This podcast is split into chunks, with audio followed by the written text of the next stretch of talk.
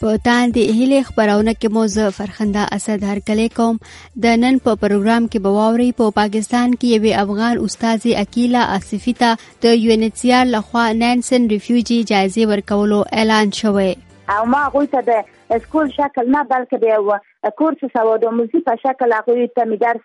شروع وکړه ډیر ژر په ډیر چټکتیا سره هغه د خلکو پسند شو خلکو زما کار وستایل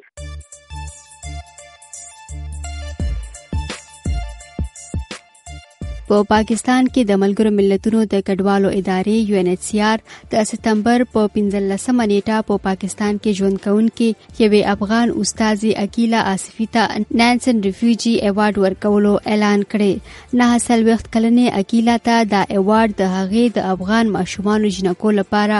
په تعلیمي هلو ځلو ورکړل شو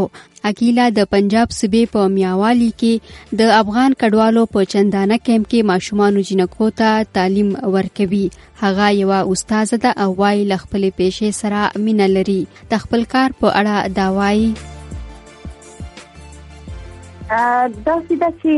مخکې لدې چې زه دلته راشم په افغانستان کې معلم وم او د معلمي پر سربېره ما په افغانستان کې هم د ځوانو انجونو د پاره سواد آموزي کورسونو ته درس ورکول نو ما د ځان سره ډیره تجربه درلود د هغه کورسونو نه کله چې زه دلته راغلم او دوی ته می در شروع کړه هغه پروګرامونه چې زما خپل سره وو ما خپل دوی ته ترسي پروګرام شروع کړی وو زما ما ته د هیڅ طرف نه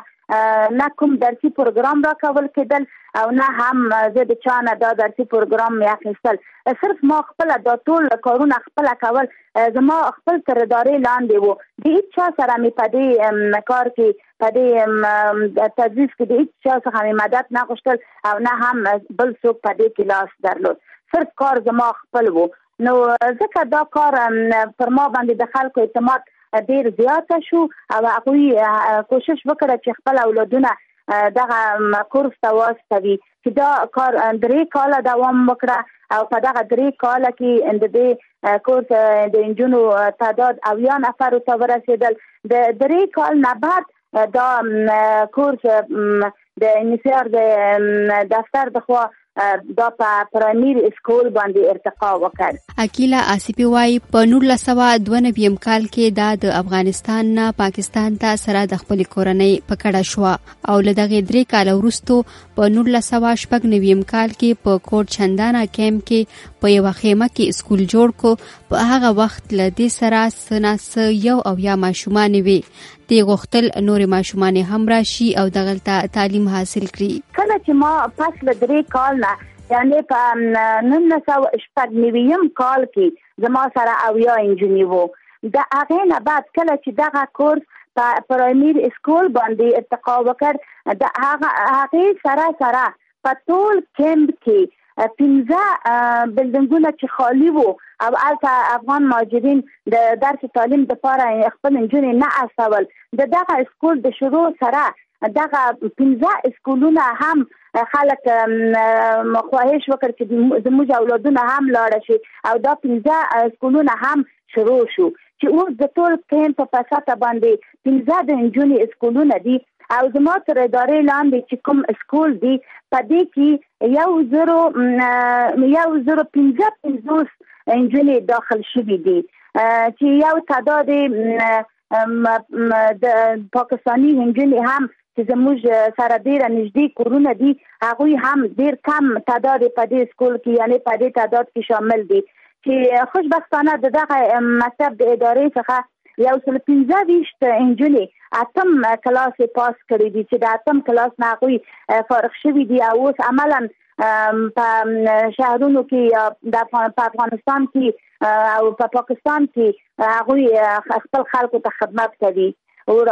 اعلی تعلیم حاصل کړی دي نانسن ریفیوجی ایوارډ هر کال هغه کس ته ورکړل کیږي چې په نړۍ کې د کډوالۍ ژوند کوي او د خپلې ټولنې لپاره د خیر ښېګړې په کارونو کې برخه اخلي اکیلا آصفي لومړنۍ افغان میرمن ده چې دغه جایزه ګټي هغه تبا دغه جایزه د اکتوبر په 15مه نیټه په جنیوا کې ورکړل کیږي هغه وايي ډیره خوشاله ده چې دغه جایزه ګټي زه خو ډیره خوشاله یم او ډیره افتخار کوم ځکه چې زه د یو مسلمان په صفت د یو افغان په صفت او د یو شذي په صفت او د یو معلم په صفت دا ایوارد ما ته حاصلېږي نو ځکه ما ته ډېر د افتخار ځای دی چې ما وکولای شي چې انجونو د تعلیم د پاره چې هغه خدمت ما کړی وو او د هغه په وجه دا ایوارد ما ته راکول کیږي زه ډېر خوشاله یم او ډېر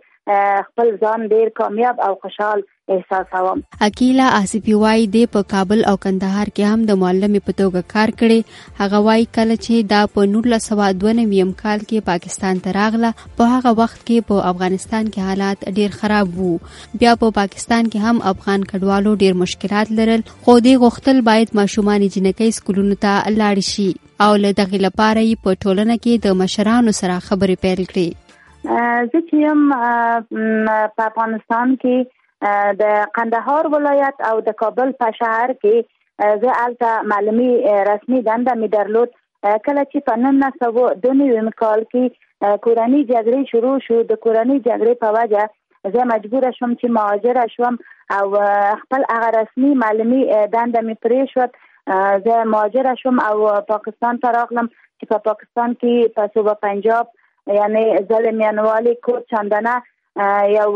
افغان ماجرین کمپ وو په هغه کمپ کې د هغه افغان ماجرین سره یو ځای شوم کله چې زه دا کمپ ته داخل شوم ما ولیدل چې دلته دا ډول یو ټولنه ده دا ډول یو خلک ژوند کوي چې هغه د انجونو لپاره تعلیم او د نجونو لپاره د علم زده کول حتی خپل په ژبه باندې هم نه راولي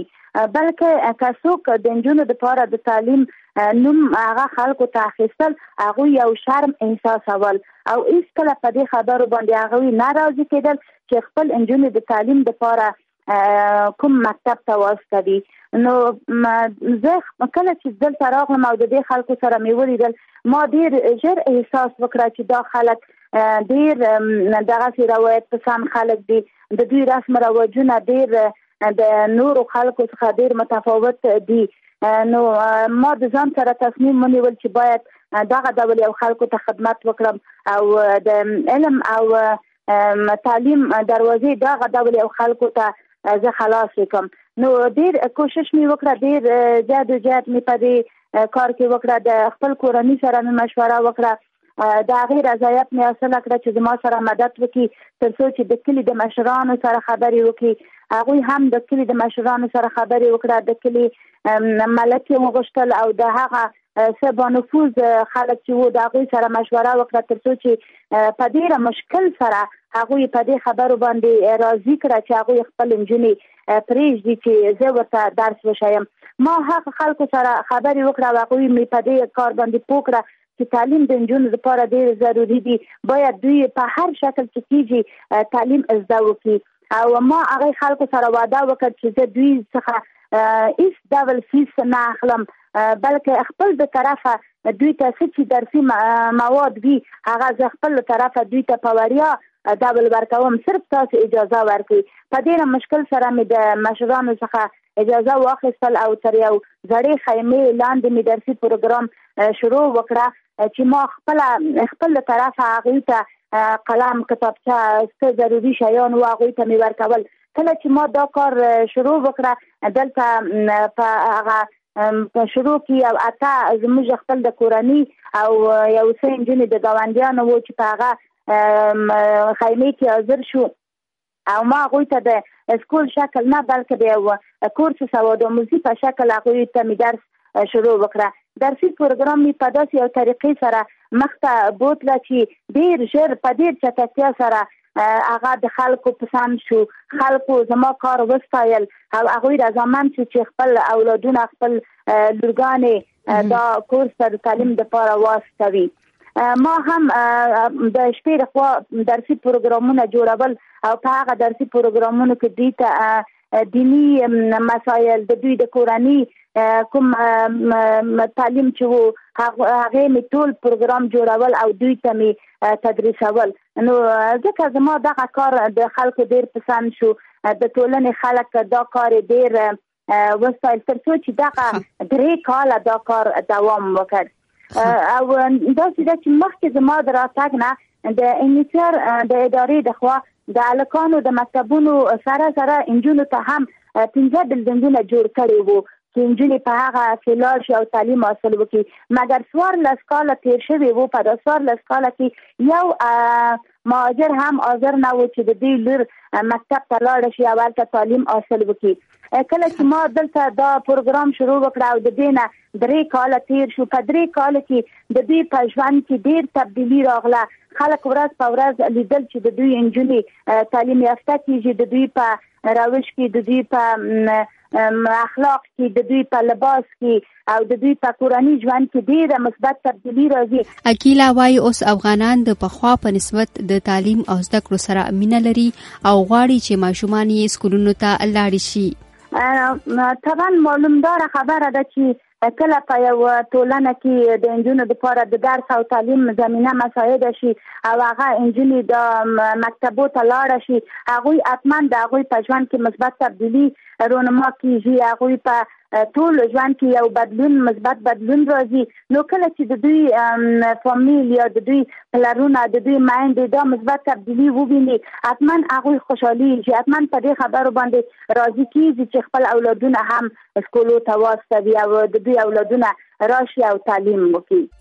عقیله آصفي وایي دا غواړي افغانستان ته لاړ شي او هلته د جنکو د تعلیم لپاره خپل مبارزه پر مخ بوزي زه خو یو معلم یم زما لار معلومه دي چې زه به د ژوند تر اخره پوري زه به انجونو ته تعلیم رسوم خو زما اصل پروګرام داري چې زه د یو کال بعد کابل ته لاړ شم او په افغانستان کې هغه خلک چې د جګړو له امله بې ځایه شوي دي او مهاجر شوي دي یا هغه مهاجرین چې د پاکستان او ایران نه افغانستان ته عودت کړی دي د هغه انجونو د لپاره تعلیمي پروګرام شروع وکم د هغه محروم کډوالو لپاره چې هغه سکولو کې د سرسي نه لري هغه خپل انجونې مکتبونو ته نشي استولای زه غواړم په هغه ځایو کې خپل دغه تدریسي پروګرامونه جاری وساتم دا و د دې اونۍ تاندې اهلي خبرونه چې تاسو واوریده زه فرخنده اسد درنه اجازه غواړم د خدای پامان